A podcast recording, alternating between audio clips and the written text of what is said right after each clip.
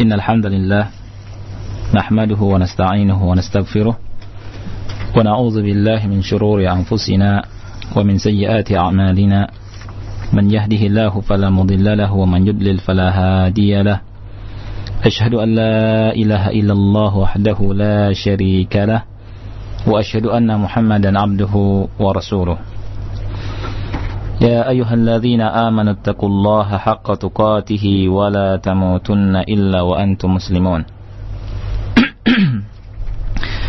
يا أيها الناس اتقوا ربكم الذي خلقكم من نفس واحدة وخلق منها زوجها وبث منهما رجالا كثيرا ونساء.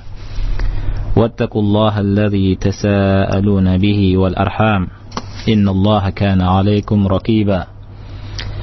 يا أيها الذين آمنوا اتقوا الله وقولوا قولا سديدا يصلح لكم أعمالكم ويغفر لكم ذنوبكم ومن يطع الله ورسوله فقد فاز فوزا عظيما. أما بعد فإن أصدق الحديث كتاب الله وخير الهدي هدي محمد صلى الله عليه وعلى آله وسلم والشر الأمور محدثاتها فإن كل محدثة بدعة. وكل بدعة ضلالة وكل ضلالة في النار ثم أما بعد Para pendengar Radio Roja dimanapun antum berada Pada hari ini kita akan melanjutkan pembahasan kitab Mandumatu Usulil Fikhi wa Qawaidihi yang ditulis oleh Al-Syekh Al-Allamatu Al-Faqih Al-Usuli Al-Syekh Muhammad Ibn Salih Al-Uthaymin rahimahullah ta'ala dan pada pekan yang lalu kita membahas tentang bait yang ke-18 yang mana beliau rahimahullahu taala berkata wa kullu mamnu'in falid darurati yubahu wal makruhu 'indal hajati. Yang artinya dan setiap yang mamnu setiap yang dilarang dalam Islam dia akan mubah tatkala adanya darurat atau karena darurat. Wal makruhu indal hajati. Begitu juga hal yang makruh itu akan jadi mubah tatkala ada hajat ada kebutuhan. Kaidah ini sudah saya kata uh, sudah kita bicarakan bahwa kaidah ini dalam bahasa lain adalah ad-daruratu tubihu al-mahdhurat bahwa ad-darurat keterpaksaan mem membolehkan atau memubahkan atau menghalalkan hal yang mahzur, hal yang dilarang dalam syariat. Dan al-mamnu, hal yang dilarang dalam syariat itu dihalalkan dengan dua syarat yang sudah kita ketahui.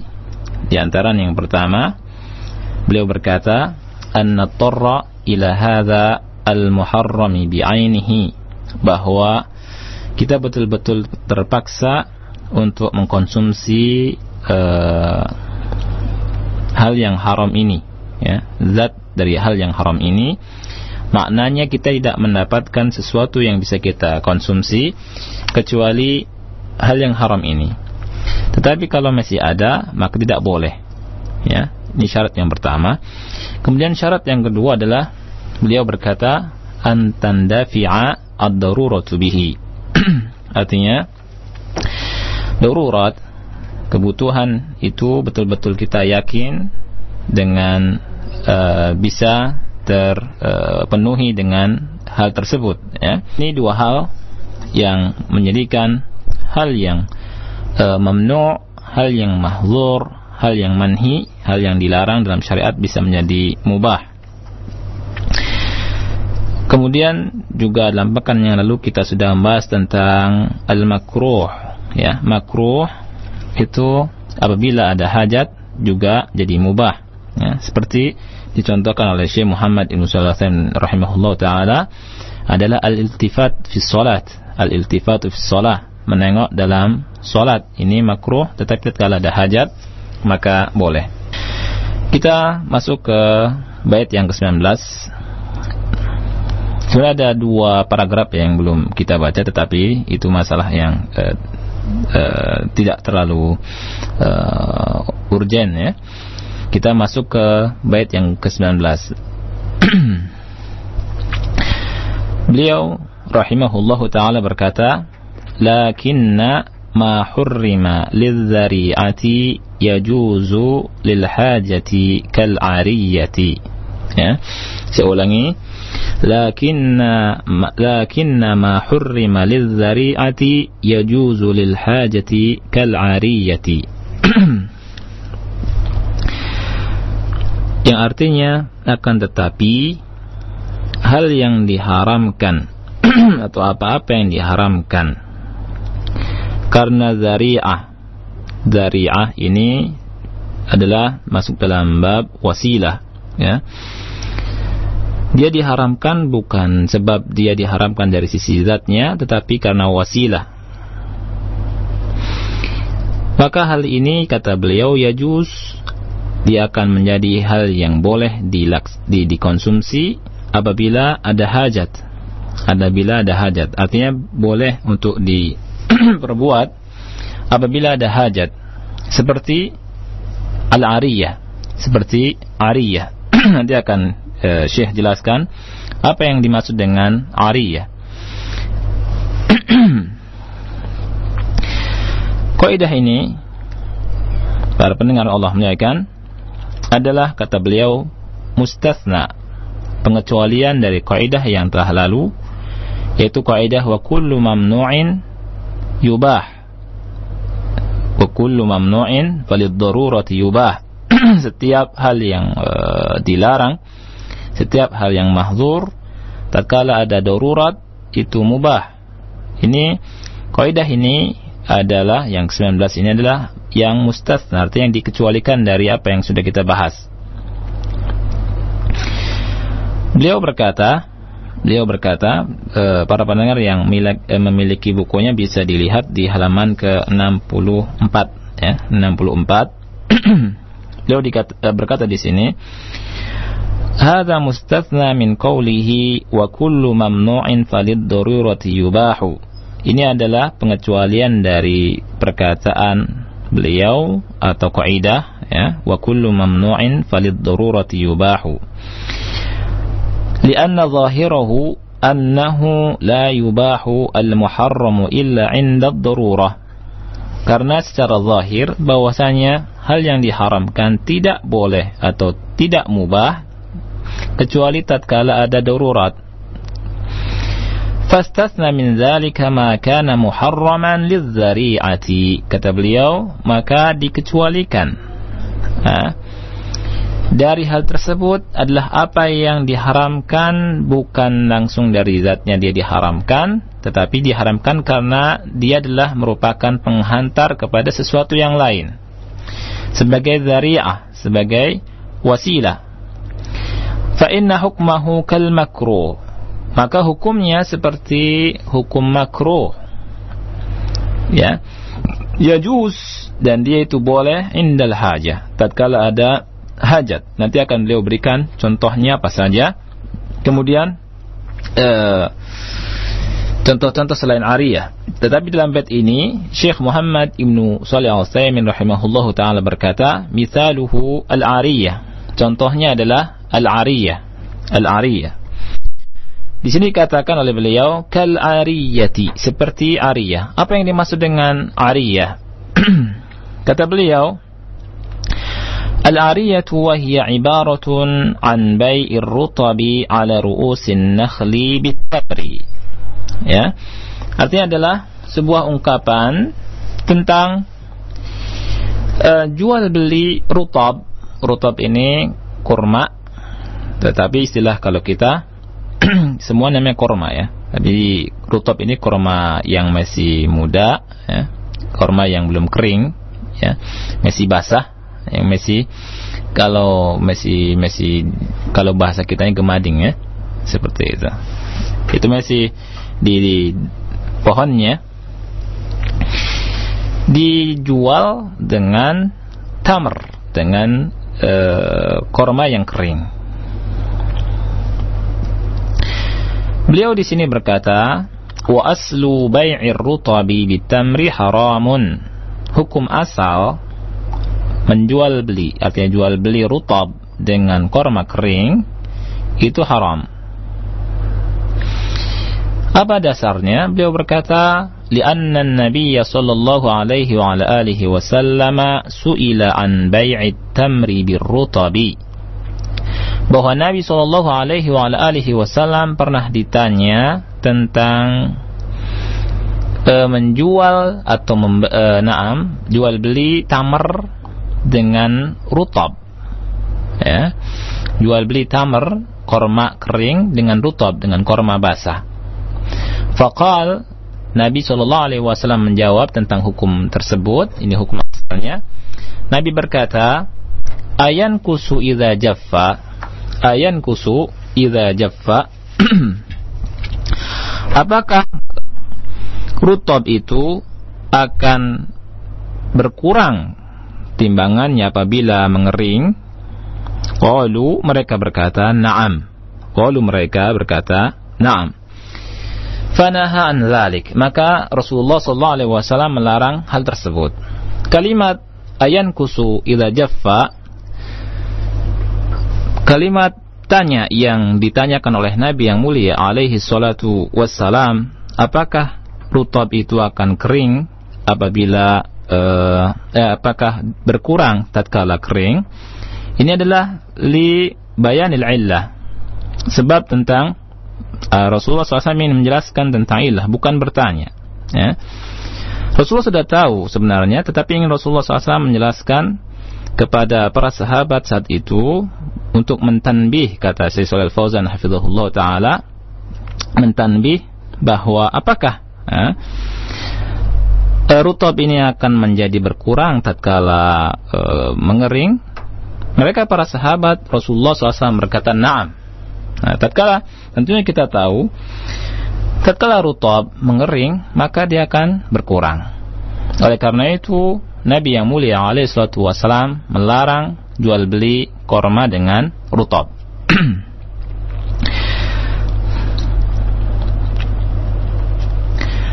Baik, sisi dari pendalilan ini beliau berkata bahwa anna bai'at tamri bit tamri la budda fihi minat tasawi bahwa e, menjual ya, jual beli korma dengan korma itu mesti ada tasawi, ada e, persamaan. Ya, tidak boleh lebih, ya, tidak boleh lebih. Kemudian Syekh rahimahullahu taala berkata, "Wa ma'lumun anna rutaba ma'at tamri la yatasawayan." La yatasa لا يتساويان فإذا كان هذا فإذا كان هذا الفلاح عنده الرطب على رؤوس النخل وجاء شخص فقير ليس عنده دراهم يشتري بها رطبا يتفكه به مع الناس لكن عنده تمر العام الماضي فلا حرج أن يشتري الرطب بالتمر للحاجة لأنه ليس عنده دراهم. ولو باع التمر أولا ثم اشترى به رطبا ففيه تعب أو تعب عليه. وربما ينقص ثمن التمر فيجوز له أن يشتري الرطب بالتمر للحاجة. Beliau rahimahullah taala berkata dan merupakan hal yang sudah diketahui artinya hal yang maklum bahwa rutab dengan tamr dengan korma artinya dua-duanya sama korma tapi satu korma basah satu korma kering itu tidak e, sama. Tidak sama kata beliau. Maka apabila beliau berkata apabila ada falah ada falah ada petani memiliki rutab yang masih ada di pohonnya pohon korma di nakhl ya Kemudian datang kepadanya seseorang yang fakir, seseorang yang miskin, yang tidak punya uang. Di sini dikatakan laisa lahu eh, laisa indahu darahim. Orang tersebut tidak memiliki uang, eh? Tidak memiliki dirham-dirham untuk membeli rot rutab sehingga dia bisa ma uh, makan dengan uh, bersama seperti manusia biasa makan rutab ya. Akan tetapi orang fakir ini atau yang datang ini yang fakir ini yang miskin ini punya tamer ya punya tamer yang uh, dia miliki dari tahun kemarin dari tahun kemarin Bagaimana kata Syekh Muhammad SAW tentang, tentang orang ini? Kata beliau, "Fala haraja an yashtariya rutab bitamri lil haja." Maka tidak mengapa, tidak berdosa orang ini membeli rutab, memberi korma yang masih di pohon, ya. Artinya masih korma basah, masih muda, korma masih muda dengan tamr karena adanya hajat, karena adanya hajat. Dan karena apa? Di annahu laisa indahu darahim. Karena dia tidak memiliki dirham-dirham, tidak memiliki uang untuk membeli rutab. Ini mohon diperhatikan oleh para pendengar supaya tidak salah memahami hal ini karena contoh ini akan ada hubungannya dengan syarat yang akan diberikan oleh Syekh Muhammad sallallahu yang beliau dapat dari keterangan dari syariat tentang syarat-syarat jual beli rutab dengan tamar.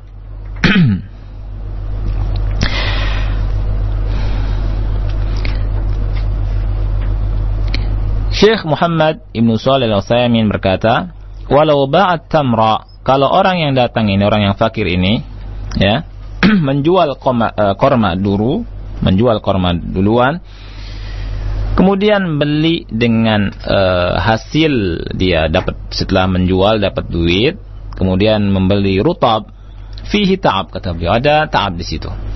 Capek ya. Harus beli harus dijual dulu kemudian dapat uh, fulus, kemudian setelah itu ada, dia beli. Nah, dan mungkin uh, mungkin saja kata beliau warubbama yankusu samanut tamar.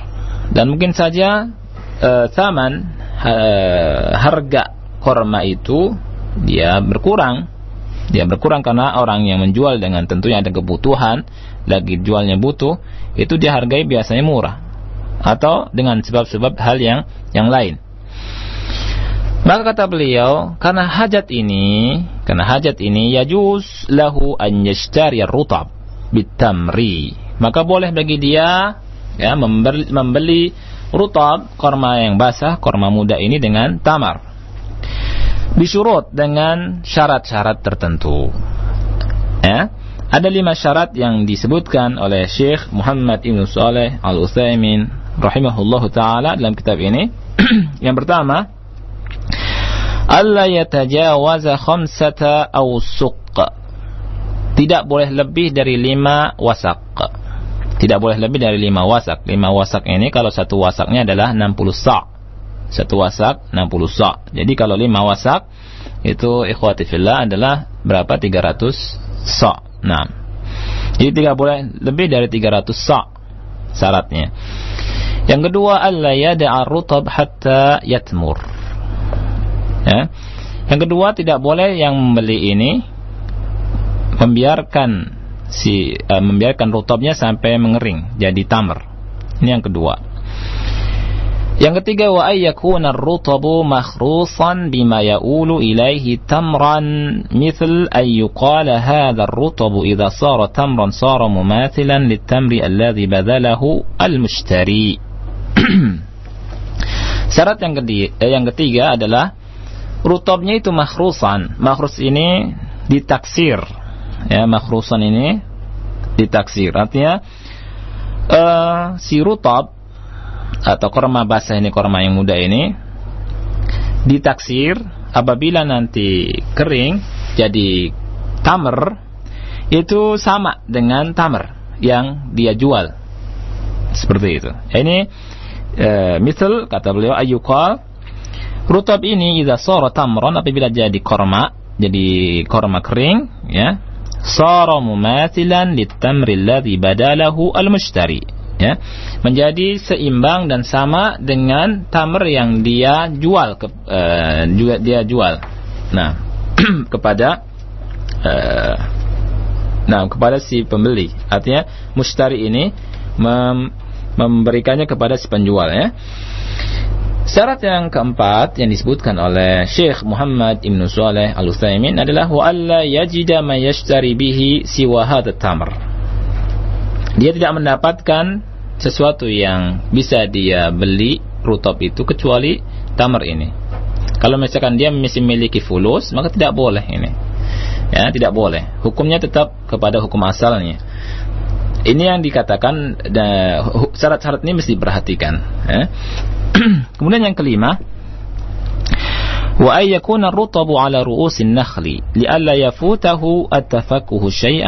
ala. Yang kelima adalah rutabnya itu masih berada di ru'usin nakhl, masih di pohonnya. Ya, masih di pohon korma. Ya. Supaya tidak luput dia makannya sedikit-sedikit. Nah, Baik. Uh, syarat-syarat ini yang diberikan oleh Syekh Muhammad Ibn Saleh Al-Utsaimin rahimahullahu taala adalah tentunya beliau ambil dari uh, nusus uh, sunnah atau hadis Rasulullah sallallahu alaihi wa ala alihi wasallam bahwasanya ariyah atau bai'ul araya itu istisna kecualian dari yang ada. di dalam sebuah hadis yang sahih riwayat Al-Imam Al-Bukhari dan Imam Muslim, saya nukilkan kan di sini beliau tidak membawakan karena uh, dalam waktu masih menjelaskan inginnya meringkas ya. Uh, di dalam hadis Bukhari Muslim adalah uh, dari hadis Abu Hurairah radhiyallahu anhu dikatakan bahwa Rasulullah sallallahu alaihi wa alihi wasallam rakhasa fi bai'il araya khirsiha min at-tamri fima duna khamsati awsukin aw fi khamsati awsuk. Nah, kata Abu Hurairah bahwa Rasulullah sallallahu alaihi wasallam telah memberi eh, keringanan telah memberi keringanan untuk mengadakan jual beli araya, jual beli ariyah ya, yang tadi yaitu menjual uh, korma kering untuk mendapatkan korma muda ya, dengan taksiran bi khirsiha dengan taksiran dari korma nanti tatkala korma muda ini menyati kering dengan taksiran yang sama. Dan ini fi maduna khamsati ausuk di bawah lima wasak. Dan tadi saya sudah sebutkan bahwa lima wasak itu 300 sok karena satu wasak adalah uh, ber, uh, satu sa. Nah, ada permasalahan yang sangat menarik untuk kita baca di sini yang disebutkan oleh Syekh Muhammad Ibn Saleh Al-Utsaimin rahimahullah taala. Beliau berkata, "Fa qala qail" apabila ada yang berkata, "Ala yumkinu an yabi'a tamr wa yashtari ar-rutaba?" Tidakkah memungkinkan bagi si fakir ini ya untuk menjual kormanya dulu kemudian setelah mendapatkan duit mendapatkan dirham kemudian dia membeli rutab artinya tidak langsung ya. Dia jual jual dulu kemudian uh, dengan setelah mendapatkan setelah laku mendapatkan duit dia beli rutab كما أرشد النبي صلى الله عليه وسلم إلى ذلك فيما إذا كان عند الإنسان تمر رديء وأراد تمرا جيدا أنه لا يبيع التمر الرديء بتمر جيد أقل منه بل أمر أن يباع الرديء بالدراهم ثم يشتري بالدراهم تمرا جيدا. فلماذا نقول بالعرية ولا نقول بيع التمر ثم اشتري بالدراهم رطبا؟ Penjelasannya, ya, saya ulangi lagi ya. Tidakkah memungkinkan bagi yang fakir ini untuk menjual tamar kemudian membeli rutab? Setelah mendapatkan fulus tentunya. Sebagaimana Nabi yang mulia alaihi salatu wasalam telah eh, memberikan irsyad bimbingan ya, atau memberikan petunjuk kepada para sahabat tentunya tentang hal tersebut yaitu di dalam hal apabila seseorang memiliki korma yang jelek, korma yang rodi, ya, kemudian dia mau mendapatkan korma yang bagus, Ya, mau menukarnya dengan korma yang bagus. Tapi uh, dia tidak boleh menjual atau menukar korma yang jelek ini dengan korma yang bagus yang akal minhu yang lebih sedikit darinya. Artinya apabila misalkan si fulan namanya adalah Zaid. Zaid dia punya korma rodi. Zaid punya korma yang jelek, ya. Dia sudah simpan lama, kemudian jadi jelek tuh kormanya, ya kan? Kemudian dia mau uh, menggantinya korma jelek ini kan ah saya kayaknya kurang enak makan korma yang jelek ini ya kemudian ah Umar punya korma yang bagus ya kan? Misalkan ya Zaid ini bilang ah Umar boleh dong tukar korma yang jelek saya saya, saya miliki korma jelek dengan antum punya korma yang bagus. Ya tapi dengan tidak apa-apa antum lebih sedikit dengan korma saya. Saya kasih banyak eh, satu ember ya satu ember korma antum kasih setengah ember misalkan begitu. Korma yang bagus tapi ya kata si Z misalkan maka ini tidak boleh. Maka ini nggak boleh ya kan? Jadi uh, Nabi Shallallahu Alaihi Wasallam di sini dikatakan bal bahkan ya amar an yuba ar-radi bidarahim Nabi Shallallahu Alaihi Wasallam memerintahkan untuk menjual korma yang jelek ini ya untuk mendapatkan darahim fulus ya kan?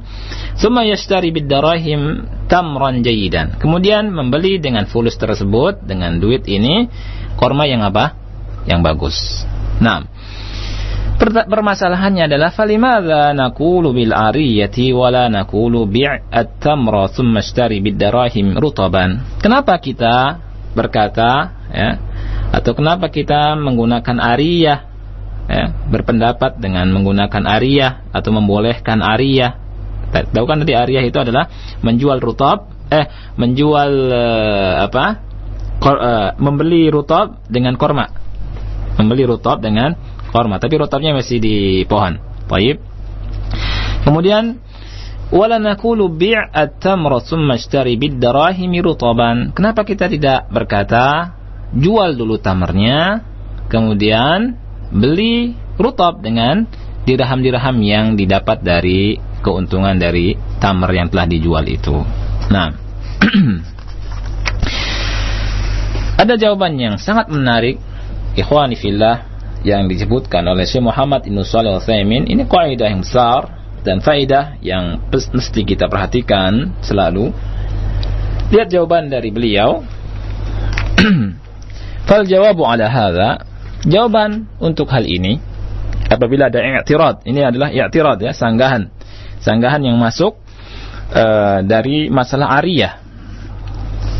Kita lihat bagaimana jawaban beliau. Kata beliau awalan, yang pertama, anna sunnata farraqat bainahuma bahwa sunnahnya itu telah memisahkan antara keduanya. Artinya apa? telah datang sunnah dari Nabi yang mulia alaihi salatu wassalam bahwa Nabi sallallahu alaihi wasallam itulah telah membedakan antara keduanya.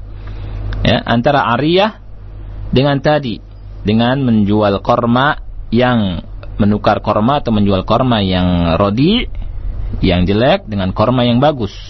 Nah, itu sunnah. Nabi telah membedakannya. Beliau berkata,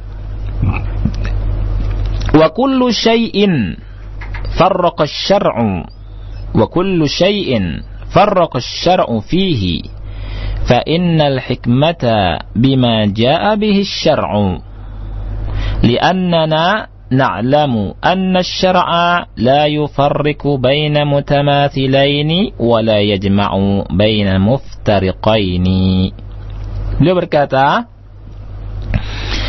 dan setiap sesuatu atau segala sesuatu yang syariat itu membedakannya atau dibedakan oleh syariat maka hikmahnya adalah dengan apa yang datang dibawa oleh syariat Artinya kita mesti tunduk, patuh, nurut, nah, jangan bertanya-tanya tentang hal tersebut.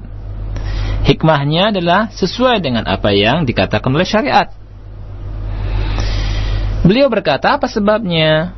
Beliau berkata, annana na'lam karena kita mengetahui, kita mengerti, kita meyakini. Meyakini apa? Kata beliau anna syar'a bahwasannya syariat la yufarriqu baina mutamathilain wa la yajma'u baina muftariqain. Bahwa syariat tidak memisah-misah, membedakan antara yang sama dan juga tidak menyatukan antara yang berbeda. Ini mesti kita ketahui. Kalau datang syariat membedakan sesuatu yang menurut kita ini sama, berarti menurut syariat berbeda. Ya. Baik. Kemudian beliau berkata, "Wa ma farraqa asy-syar'u bainahuma wa dhananna annahuma mutamathilan fa innal khata' fi fahmina." Fa innal khata'a fi fahmina. Beliau berkata, dan apa saja yang dibedakan oleh syariat ya sesuatu dibedakan oleh syariat dua hal dibedakan oleh syariat. Kemudian kita mengira, kita menyangka bahwa keduanya itu sama, mutamasilan. Yang salah siapa? Syariat apa kita? Kata Syekh, fa innal khata'a fi fahmina. Yang khata' kesalahannya itu dalam pemahaman kita. Bukan syariatnya yang salah, tetapi nah, kita belum paham. Nah, kita masih khata' dalam memahaminya. Fayakfi an nakul maka dari sini cukuplah kita berkata jaa asy-syar'u bihilli hadza wa man'i hadza. Nah, cukup kita katakan syariat telah datang menghalalkan ini dan melarang yang ini. Ini kalau mudahnya.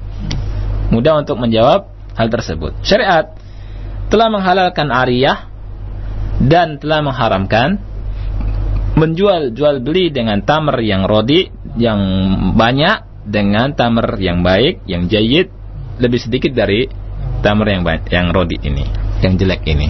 Nah, jadi syariat telah datang membedakan antara ini. Arya halal, yang ini haram. Baik. Lakin akan tetapi ma'adzalika yumkinu an nujiba aqlan an hadha. Subhanallah. Syekh Muhammad sallallahu alaihi wasallam terkenal dari sisi ta'lil, dari sisi main akalnya luar biasa. Eh? Di kita kalau membaca bukunya beliau itu sungguh sangat menarik, ya. Beliau berkata, "Lakin akan tetapi ma'adzalik mungkin kita menjawab secara akal tentang hal ini." Ya. Fayuqal dikatakan Inna Sahabat radhiyallahu anhum kanu yabi'una at-tamra ar-radi'a bit-tamril jayyidi ma'at tafadul wa hadha riban sarihun la yahil. Eh? Kata beliau, maka dikatakan sesungguhnya para sahabat radhiyallahu anhum mereka dahulu itu mengadakan jual beli, menjual tamr yang rodi, korma yang jelek, korma kering yang jelek, untuk mendapatkan korma yang bagus, mata fadul. Tafadul ini dengan adanya atau lawan dari seimbang, ya, tidak sama. Ya, korma yang jeleknya banyak, korma yang rodinya lebih sedikit. Seperti yang sudah saya jelaskan, contoh tadi antara si Z dan Umar. Ya. Nah, Kata beliau, tentunya kalau ada tafadul ini, perbedaan ini, ini adalah riba. Riba sorih, jelas-jelas riba. Ya. Dan ini namanya riba riba fadl tentunya ya. Kata beliau, la yahil. Ini tidak halal. Kalau tidak halal apa? Haram. Artinya tidak boleh. Ya. Baik. Beliau berkata, "Amma fil mas'alatil 'ariyati fayajibu an yakhrusa ar-rutaba. Antum bisa baca ay yahrusa atau ay yahrisa Baik.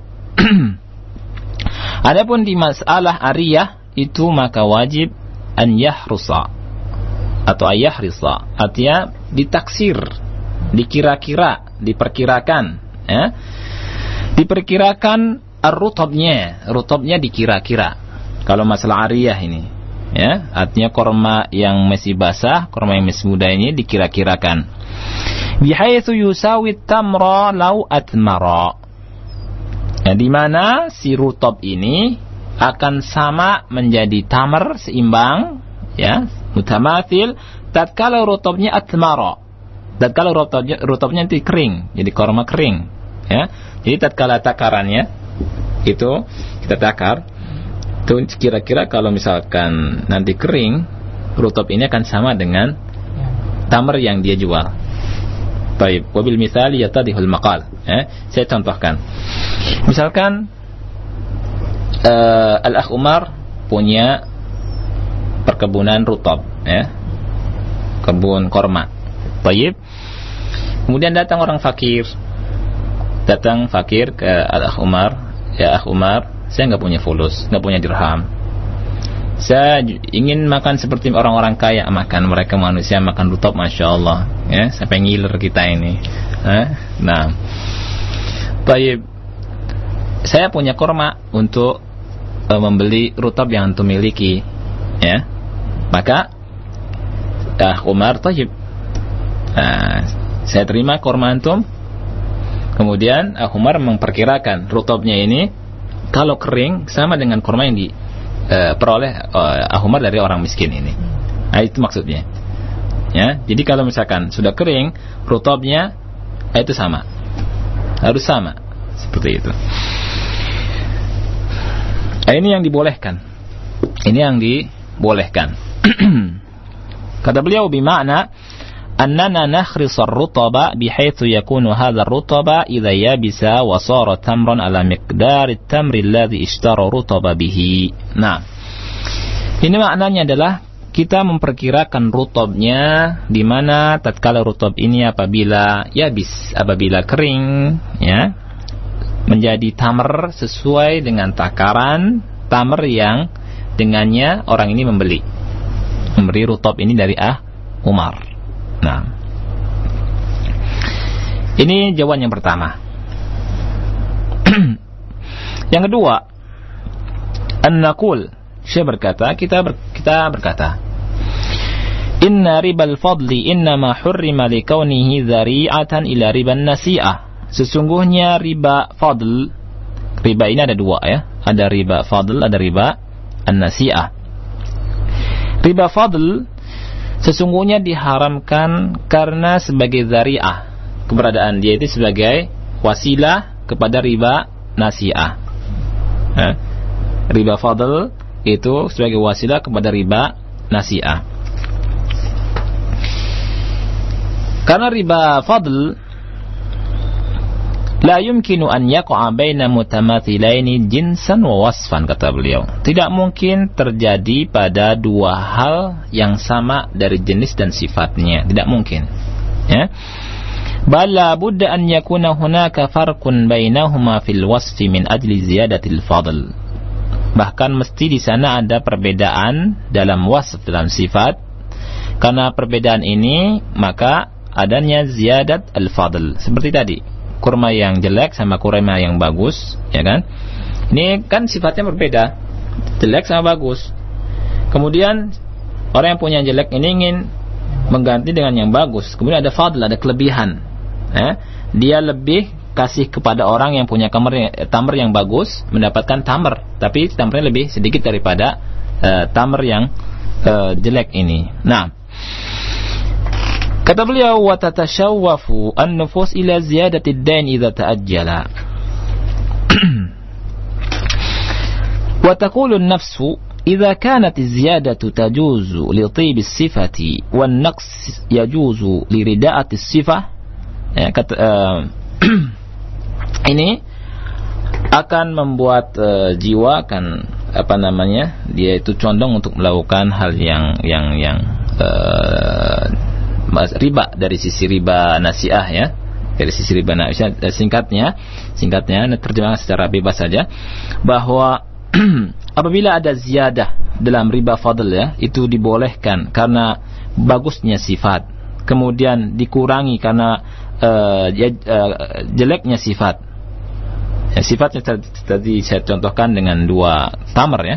Tamar yang rodi dan tamar yang bagus ya maka fal tajuz az-ziyadatu li ziyadatil mudda bi ta'khiril wafa. Ya, maka ini akan menjadikan orang berpikir kalau gitu boleh dong ya riba nasiah ya. Orang yang berhutang gitu kan orang yang berhutang itu akan adanya tambahan karena kalau misalnya tidak sanggup membayar eh, apa namanya pada saat itu juga masih ada tambahan bunganya ini kan dalam rangka apa? Dalam rangka menambah. Seperti uh, orang yang jual korma yang jelek ya, dengan korma yang bagus itu kan ada perbedaan. Begitu juga kalau orang yang berhutang atau mengadakan uh, utang piutang. Kalau misalkan orang itu nggak sanggup bayar langsung ya kan ada ajal situ. Ada tambahan waktu yang dengannya maka diminta untuk bayar tambahan waktu ini nah, jiwa itu sudah tamak kata Syekh Utsaimin jiwa itu tamak Ya. Kata beliau, "Wan nafsu tamma'ah." Jiwa itu tamak. Ya. La siyama fil bai'i wasyira apalagi dalam masalah urusan jual beli. Wala siyama ma'a wara' kama fil azminat fil azminatil mutaakhirah. Ha? Apalagi dengan sedikitnya wara sebagaimana pada zaman zaman kita sekarang ini. Oleh karena itu, suddadul bab, hal pintunya ditutup. Dan dikatakan la yajuzu ribal fadl. Tidak boleh riba fadl walau ma'at taqabud fil majlis. Walaupun langsung ya dan biyadin. Artinya langsung taqabud terima ya dalam satu majlis. Antum beri eh, orang itu beri ke antum antum kasih yang lain.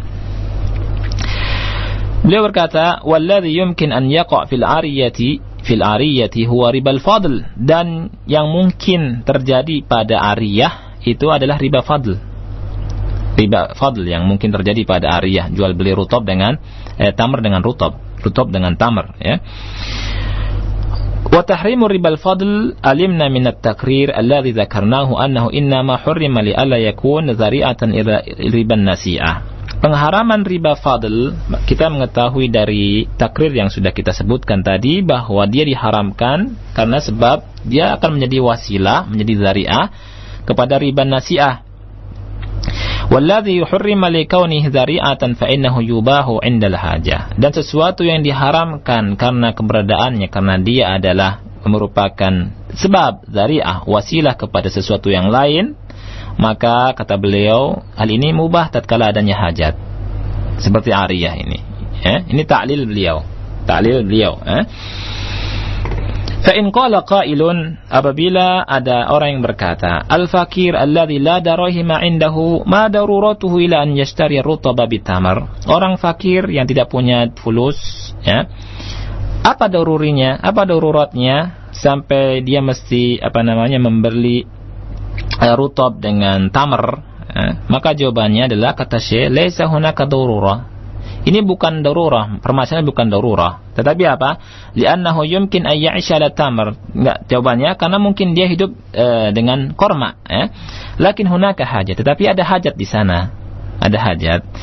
Yuridu ayatafakkah kama yatafakkah an-nas, falihada rukhisa lahu fil ariyah. Dia ingin makan seperti makannya manusia, bersenang-senang dengan rutab, ya.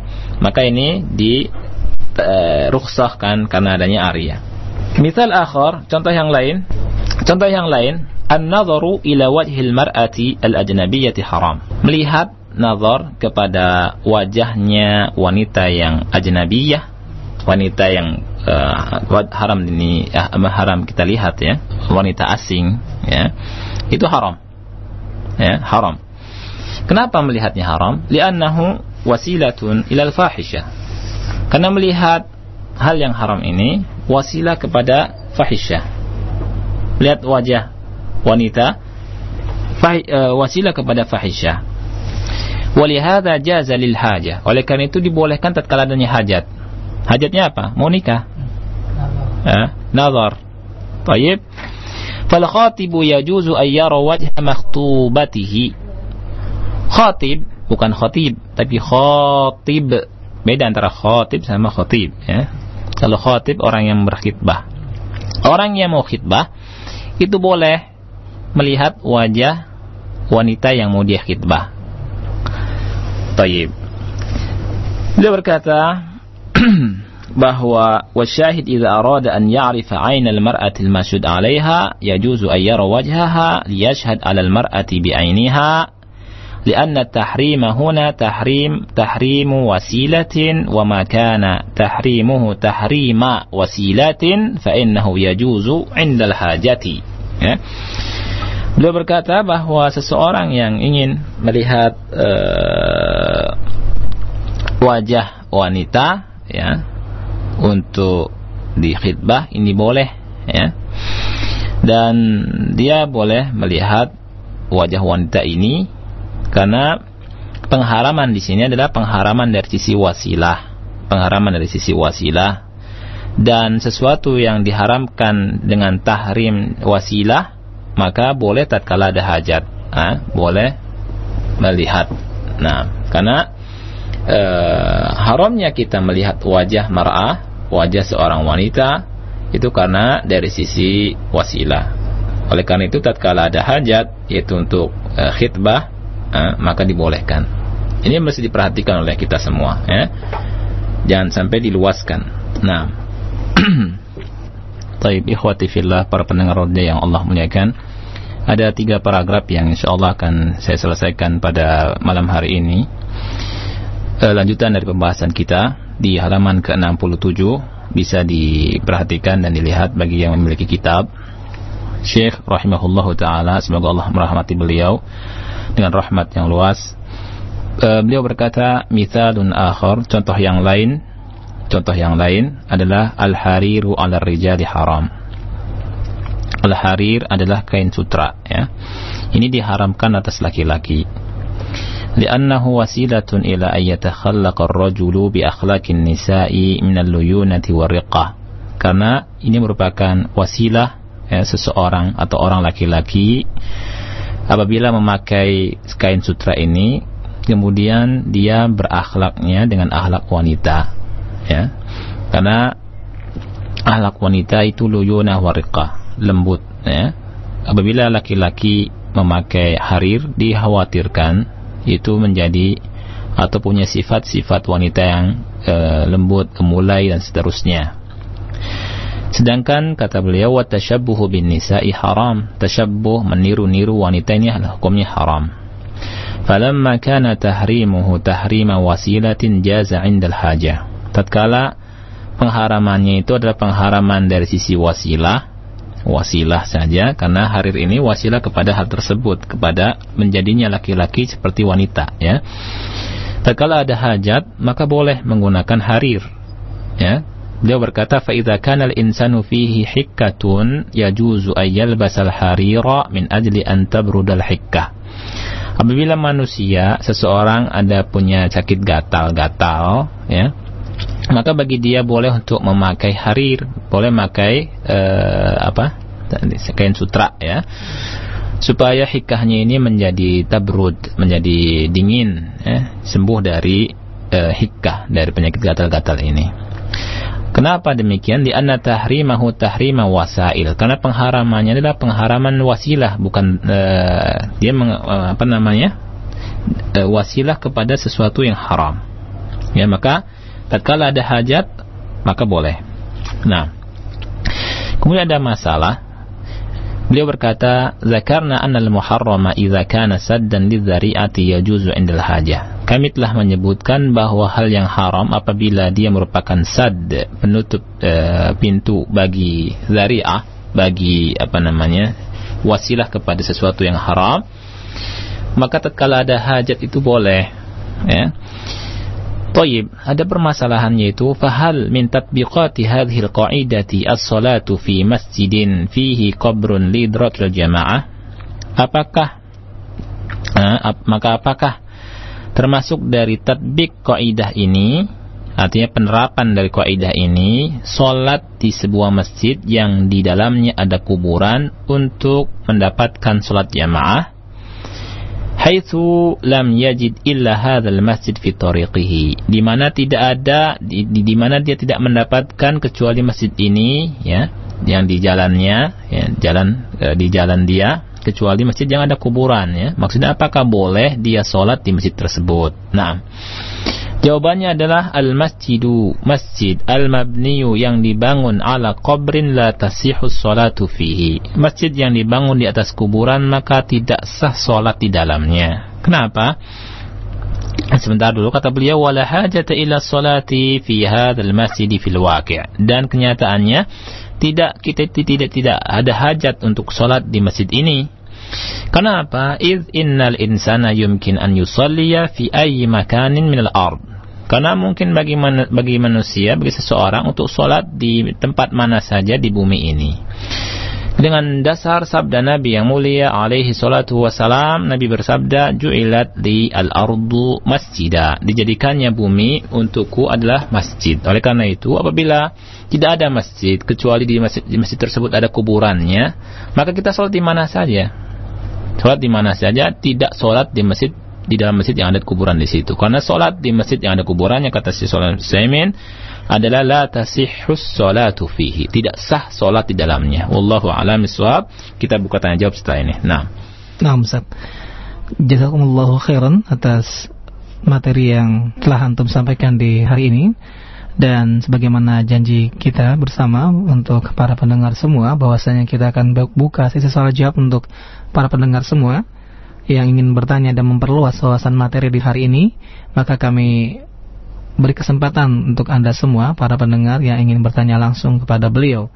Dan untuk yang pertama Ustaz, kita akan angkat pertanyaan dari pesan singkat terlebih dahulu Ustaz, beberapa pertanyaan Ustaz. Nah, nah Ustaz.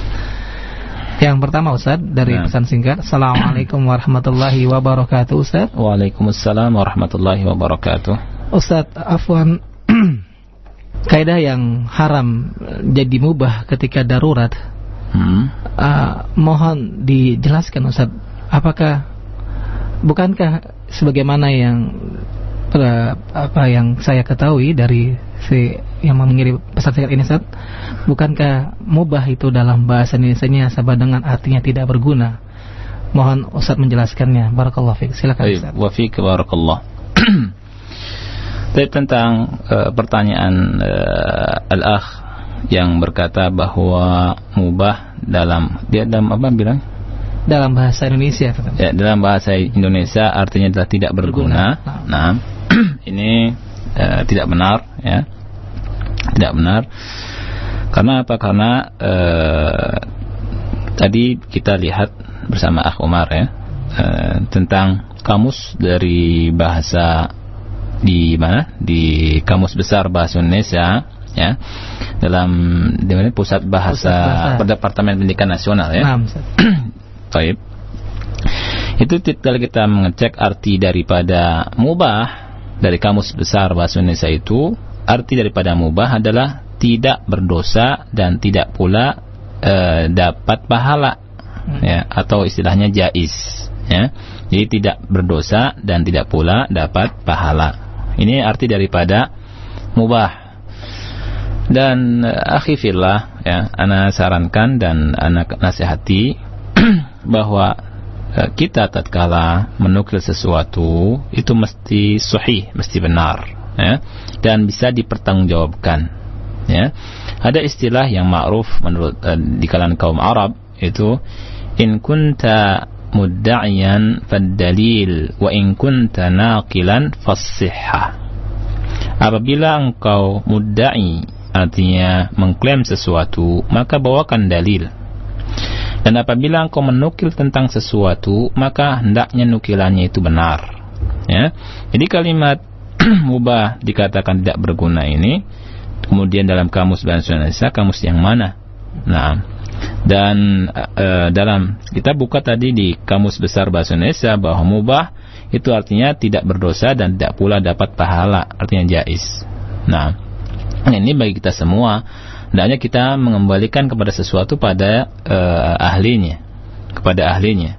Fas'alu ahla dzikri in kuntum la ta'lamun. Nah jadi kalau menukil sesuatu ana sarankan mestinya sihah mesti benar penukilannya dan jangan sampai hanya mendengar dari orang kemudian kita mengiyakan sebab di dunia eh, kita di apalagi dunia pendidikan dan seterusnya atau sering kita mendengar seseorang ya mendefinisikan sesuatu kita mendengar dari orang-orang awam itu kadang-kadang definisinya adalah salah Saya sering mendapati definisi ya atau arti kemudian dia sampaikan kepada diri saya.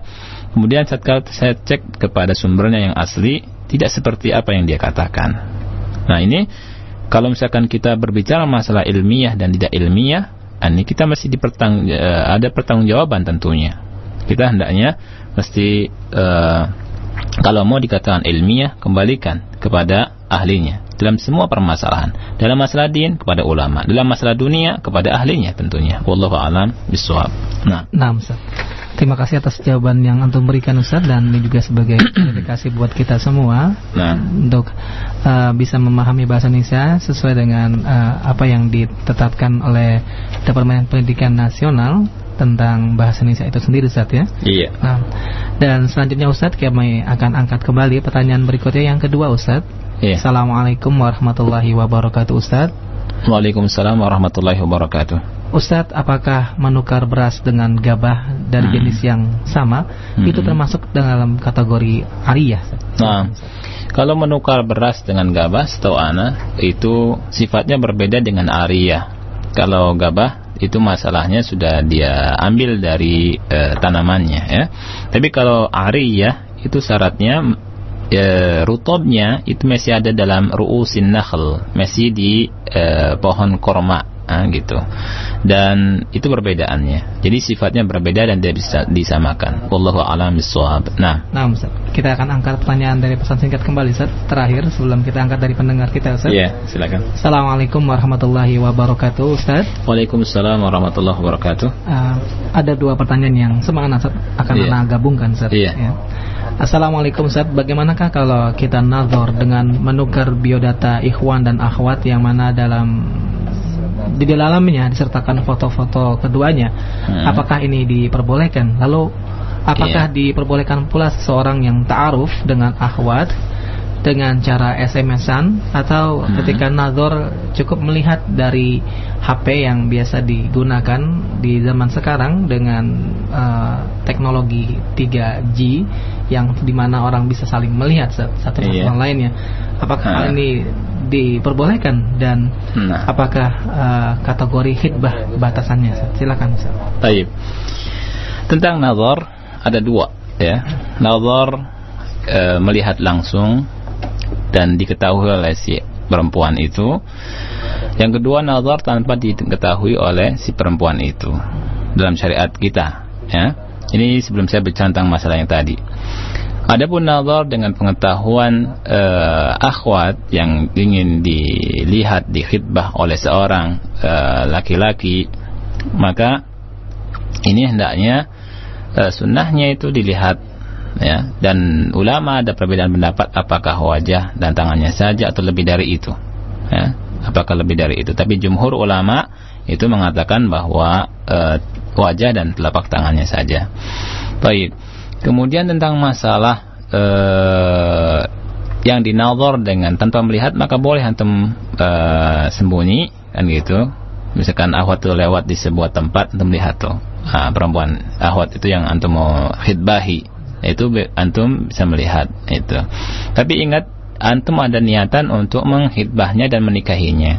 Tapi kalau misalkan tidak ada niatan, tidak boleh sembunyi-sembunyi lihat-lihat ahwat ini hukumnya haram ya. Jadi bolehnya itu karena ada hajat. Ya, bolehnya karena ada hajat. Adapun masalah dengan foto setahu anak dari sebagian penulis kitab-kitab masalah fikih ya. Ini uh, masih uh, dipertanyakan tentang hal ini dan tidak makmunah, artinya tidak aman ya. Uh, tidak tidak nyunah lah istilahnya. Karena apa? Karena antara foto dengan orang asli berbeda. Terkadang di foto itu dipoles ya, yang, yang ada jerawatan, yang ada jerawatnya kan gitu. Sekarang ada komputer kan bagus ya kan. Foto cantik ya. Eh, iya, foto cantik, foto mejeng dan seterusnya. Jadi yang jelek jadi tambah bagus ya kan, tambah cantik yang yang yang yang nggak ganteng jadi ganteng dan seterusnya kan. Kemudian kemudian hanya berpatokan pada foto saja kan tidak melihat ya, kemudian pas uh, setelah itu jadi menyesal ya, ini musibah juga kan itu jadi yang yunahnya adalah adalah melihat langsung seperti itu jadi uh, wallahu alam kalau ana memandang itu ahsan melihat langsung ya wallahu alam nah Nah, berkaitan tentang ta'aruf yang melalui SMS kan bagaimana Ustaz? Ta'aruf ya Lewat SMS-an Ustaz? lewat SMS-an. Hmm. Ya. Baik. Eh, ta'aruf lewat SMS-an ini eh, sebenarnya eh, secara umum berkenalan lewat wasilah yang dihalalkan halal ya. Tetapi kalau misalkan wasilah SMS-an malah jadi eh, berhubungan jadi malah jadi sesuatu yang menyeret kepada pacaran dan seterusnya, ini jangan ya. Dan sesungguhnya manusia itu ala nafsihi basirah kata Allah. Manusia itu mengetahui tentang dirinya ya. Karena kalau misalnya dibuka lebar-lebar pintu ini ya, jadilah jadi pacaran antara ikhwan dan akhwat ya. Jadi se- sebelum tidur ingat ya baca doa dulu ya ukhti. Nah, padahal ingatlah diriku ya ukhti kan gitu. Ini eh, musibah juga kan gitu. Jadi sebenarnya eh, an- eh, perkenalan itu sah-sah saja dengan SMS atau dengan apa tapi ketahuilah bahwa itu eh, mesti dijaga ya seperti itu. Jadi kalau amannya ikhwan dan akhwat ini adalah eh, ada wasilah dan seterusnya sehingga tidak tidak jadi adanya pacaran tersebut. Wallahu a'lam. Nah. Terima kasih banyak Ustaz atas Nah. jawaban yang untuk berikan Ustaz dan selanjutnya kita akan angkat pertanyaan dari pendengar kita Ustaz. Iya, silakan. Halo. Halo, Assalamualaikum. Waalaikumsalam warahmatullahi Dengan siapa dan di mana? Dari Hafsah di Ciledug. Ah, Afwan, mo, Afwan mungkin eh, apa eh, t- agak berpindah karena agak terputus-putus di lokasi kami terdengarnya. Ya. Iya. Sudah? Ya, silakan. Ustaz, uh, Ana mau nanya. Um, ya, Iya, silakan. yang lebih agung di sisi Allah itu puasa atau sholat? Kan anak pernah pernah baca di salah satu majalah bahwa Abu Hanifah pernah ditanya oleh Ja'far apa yang lebih agung di sisi Allah puasa atau sholat? Lalu Abu Hanifah menjawab sholat. Dan Ja'far mengatakan bagaimana dengan seorang perempuan yang haid? Bukankah dia diwajibkan mengkodok sholat dan tidak diwajibkan mengkodok eh, sholat? Mengkodok puasa diwajibkan tapi tidak meng- diwajibkan mengkodok sholat itu aja Ustaz Assalamualaikum warahmatullahi Waalaikumsalam warahmatullahi Waalaikumsalam wabarakatuh. warahmatullahi Silakan, wabarakatuh. Nah, tentang masalah mana yang lebih agung, Allah alam, mana belum punya ilmunya masalah itu. Tetapi dari urutan rukun Islam itu sholat adalah setelah syahadat. Ya, sholat setelah syahadat. Bahkan ada nas yang sangat jelas tentang masalah sholat bahwasannya perbedaan antara Muslim dan kafir adalah tarkus sholat, meninggalkan sholat. Bahkan nas-nasnya jelas sekali ancamannya sangat berat dan keras sekali dari eh, Rasulullah SAW orang yang meninggalkan sholat. Kemudian dalam eh, hadis juga Rasulullah SAW menjelaskan bahwa eh, sholat adalah pertama kali yang dihisap nanti di akhiri di akhirat nanti ya. Apabila sholatnya baik maka seluruh amalan yang lain baik. Apabila sholatnya buruk maka semuanya semu- seluruhnya buruk. Allah alam. Nah, Nah, dan bukankah ini ya, kalau salat itu tidak ada uzur bagi seseorang Ustaz ya? iya betul. Apabila dia sakit tetap harus salat dengan dengan syarat-syarat yang sudah Betul, ahsan. Hmm. Barakallahu fiik. Hmm. Nah, Nah, baik Ustaz kita akan kembali pertanyaan berikutnya dengan pendengar kita yang kedua. Halo. Halo, Iya, Assalamualaikum Pak. warahmatullahi wabarakatuh. Iya, Waalaikumsalam warahmatullahi wabarakatuh. dengan siapa Pak dan di mana? Dan Bapak Putra Pohan di Depok. Iya, Iya. silakan Pak. Saya mau nanya nih Ustaz, Iya.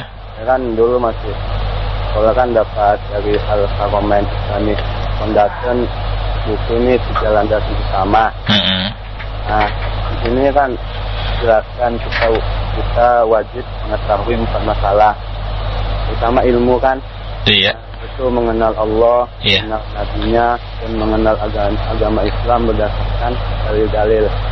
Nah, di Radio Roja ini kan yang saya dengarin berdasarkan pemahaman sahabat. Nah, Iya. nah yang saya tahu kan ilmu itu yaitu Al-Quran, Al-Hadis. Hmm. Kemudian di Roja ditambahkan pemahaman para sahabat. Iya. Nah, coba berikan satu contoh tentang pemahaman para sahabat itu aja.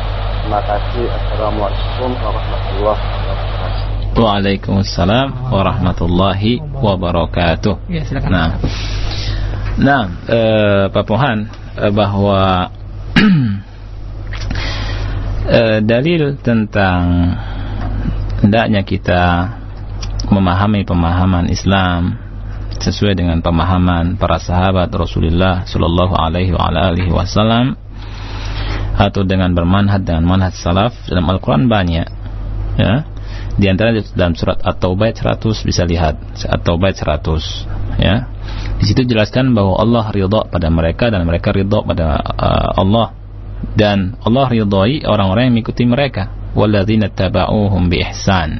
Orang yang mengikuti mereka dengan dengan baik Kemudian dalam ayat yang lain Allah Taala berfirman, "Wa may yushakkikir rasula min ba'di ma tabayyana lahul huda wa yattabi' ghayra sabilil mu'minin wallihi ma tawalla wa nuslihi jahannama wa sa'at masira." Barang siapa yang menentang Rasul setelah jelas datang kepada dia petunjuk. Kemudian yattabi' ghayra sabilil mu'minin. Dia mengikuti jalannya selain jalannya kaum mukminin. Kaum mukminin satu adalah para sahabat Rasulullah sallallahu alaihi wasallam maka kami palingkan kata Allah ke mana arahnya dia berpaling ya. kemudian tempatnya dia adalah neraka jahanam dan neraka jahanam adalah seburuk-buruk tempat kembali jadi juga di antaranya adalah firman Allah fa in amanu bimithli amantum bihi faqad ihtadaw wa in tawallaw fa innama hum fi shiqaq dalam surah Al-Baqarah apabila mereka beriman seperti imannya kalian. Artinya imannya para sahabat Rasulullah SAW ini ayat ini turun berkenaan kepada orang-orang Yahudi dan Nasrani. Apabila mereka beriman seperti imannya kalian Allah sudah memuji para sahabat di sini. Dan ayat ini umum dengan untuk kaum untuk setelahnya untuk kita semua. Apabila mereka beriman seperti imannya kalian, faqad ihtadaw maka mereka sesungguhnya telah mendapatkan hidayah. Ya, artinya berada dalam jalan petunjuk. Kalau tidak maka sebaliknya, ya.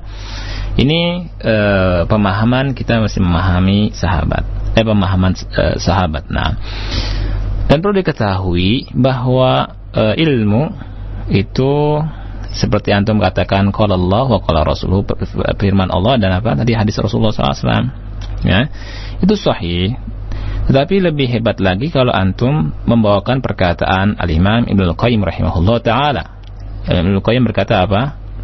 Al-ilmu adalah qala Allah wa qala rasuluhu wa qala sahabatu wa laysa bitamwih.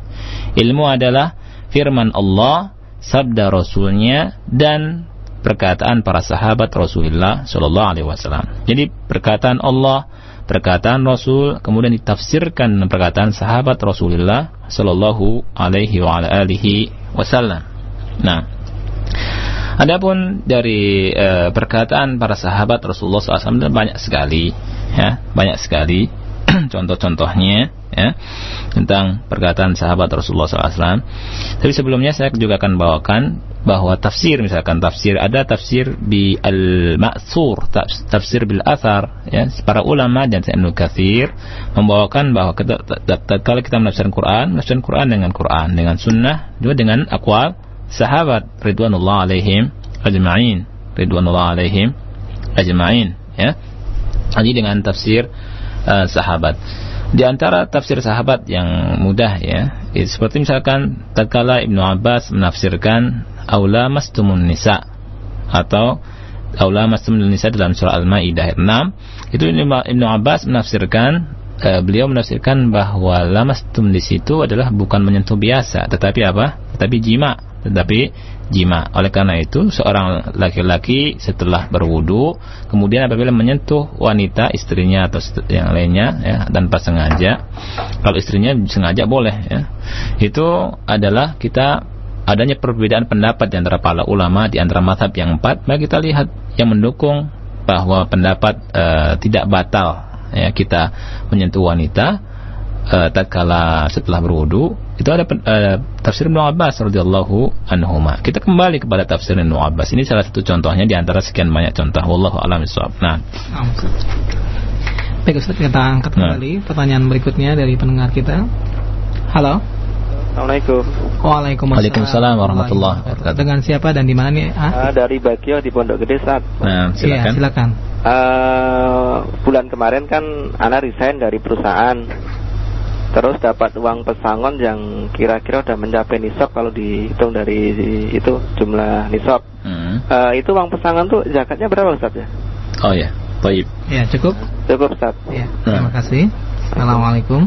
Nah, ya silakan Ustaz.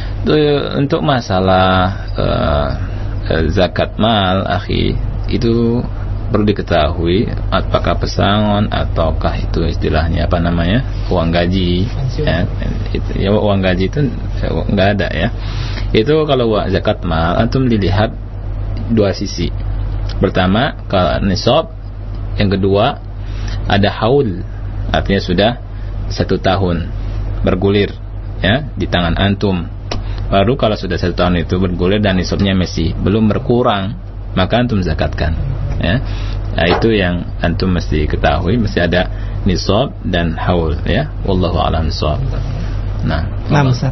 Hmm. kita angkat kembali Ustaz pertanyaan dari pendengar kita Ustaz. Tayyib fadal ya. Assalamualaikum.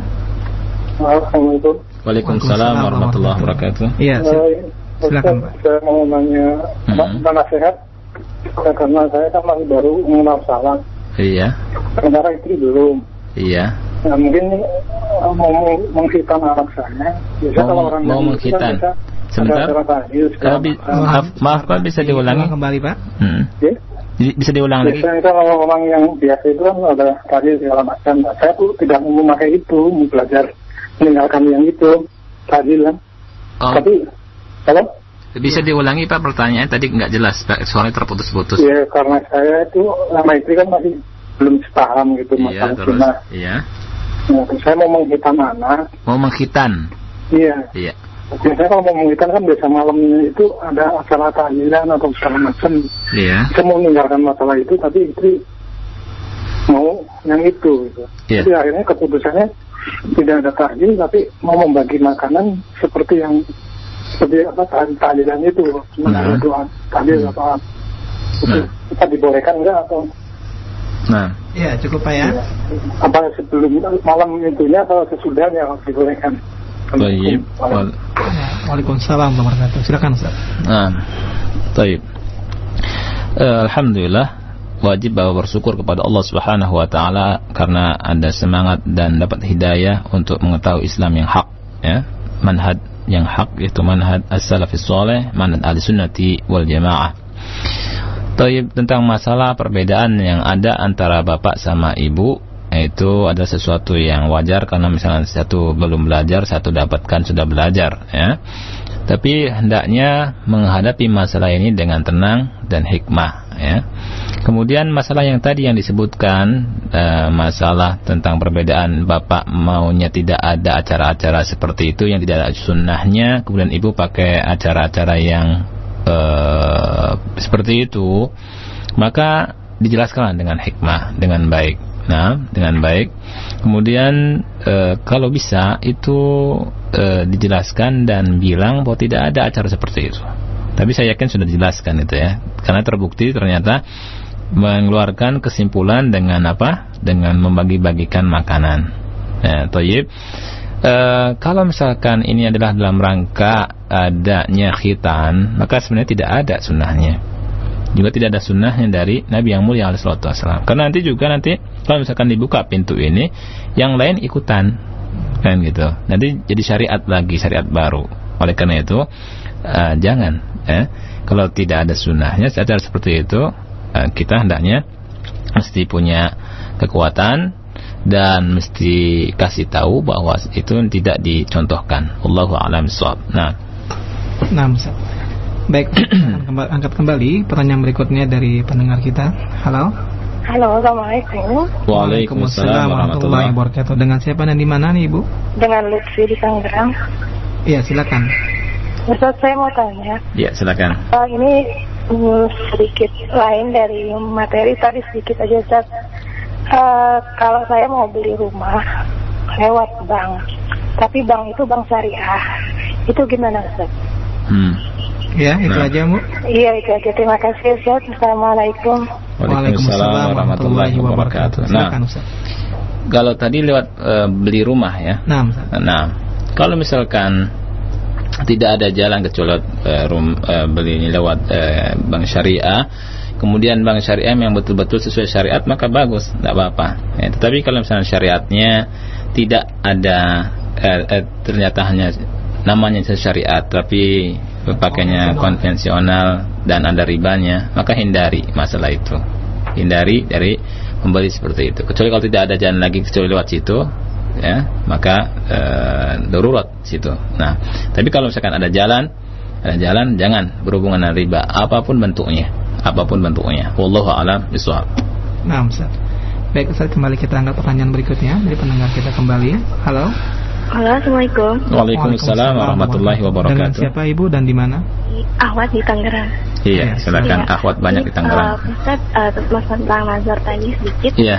Eh, bagaimana jika ada seorang awal itu di eh, ditawari untuk bernazar dengan ikhwan yang katanya sih difonisnya itu eh, dia itu menderita kemandulan gitu Pak Ustaz. Apa? Uh, ulangi bisa diulangi Eh, Ukti. jadi ada seorang ahwat Iya. ditawari untuk menazar dengan seorang ikhwan yang eh, difonis oleh dokter itu Mm-mm. me- menderita kemandulan. Itu bagaimana Pak Ustaz?